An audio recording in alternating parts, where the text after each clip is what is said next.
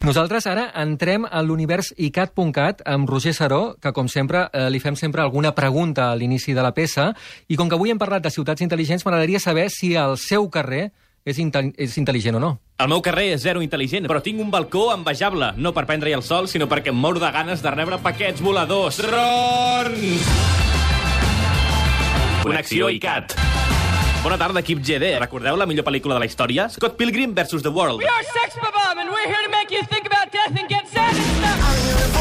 Aquesta setmana a icat.cat hem entrevistat el dibuixant canadenc Brian Lee, autor dels còmics de Scott Pilgrim, que acaba de publicar una nova novel·la gràfica molt més adulta. Es titula Seconds, una història de maduresa d'una noia que ha passat la trentena i treballa al seu propi restaurant. Un còmic més madur, però amb un element fantàstic. Un misteriós esperit de la llar s'amaga a les golfes de l'edifici i li permet a la protagonista fer canvis a la seva vida mentre dorm. I worked in a restaurant, an old restaurant in Toronto, and as I worked there, I started thinking about the house spirit. What this old building used to be? Was it a residence before? And I just wondered what what happens to the house spirit as the building changes owners, and as if it's not a family home anymore, it's like a business. Um, what happens to this spirit, and then what happens when they enter modern world and people have you know iPhones, and it's you know the the ancient world kind of colliding with the modern world. It's interesting to me. Podeu escoltar l'entrevista sencera a icat.cat barra els experts. Els experts. També ens han baixat una app.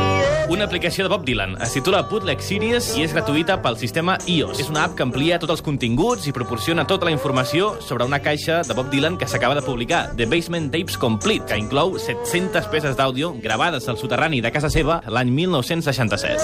Los fantasmas de tus agujeros me asustan con lo que te pude querer. Emocionem-nos una mica. El grup català Manos de Topo, caracteritzats per les seves lletres amoroses, supersentides i superpassionals, que acaben destrossant amb els seus plors i els seus xilòfons, acaben de publicar nou disc. Es titula Caminitos del Deseo. Sentim un fragment de l'entrevista que van oferir els Manos de Topo al no menys histriònic programa Cabret Elèctric. Y prometer amor eterno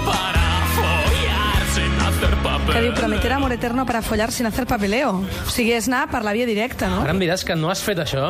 ¿Qui- ¿Quién de esta mesa no ha hecho eso? Jurar amor eterno para... Això només ho feu els homes, ho saps, no? Ah, sí o no? És la via directa a l'infern. San, san, ¿Qué piano dentro. Hablamos se lo hicieron alguna vez y no precisamente los hombres. Podem fer una cosa, podem parlar del Prohibido enamorarse, que també és el que dieu en aquesta cançó. Prohibido enamorarse, al final és un disc de prohibicions o què? No, és, és, un, és un disc de- d'enamorar-se sense, sense por, però pot ser que t'equivoquis, pot ser que ens equivoquem i, bueno, si ens hem equivocat, ens hem equivocat prenent les nostres, les nostres decisions, no?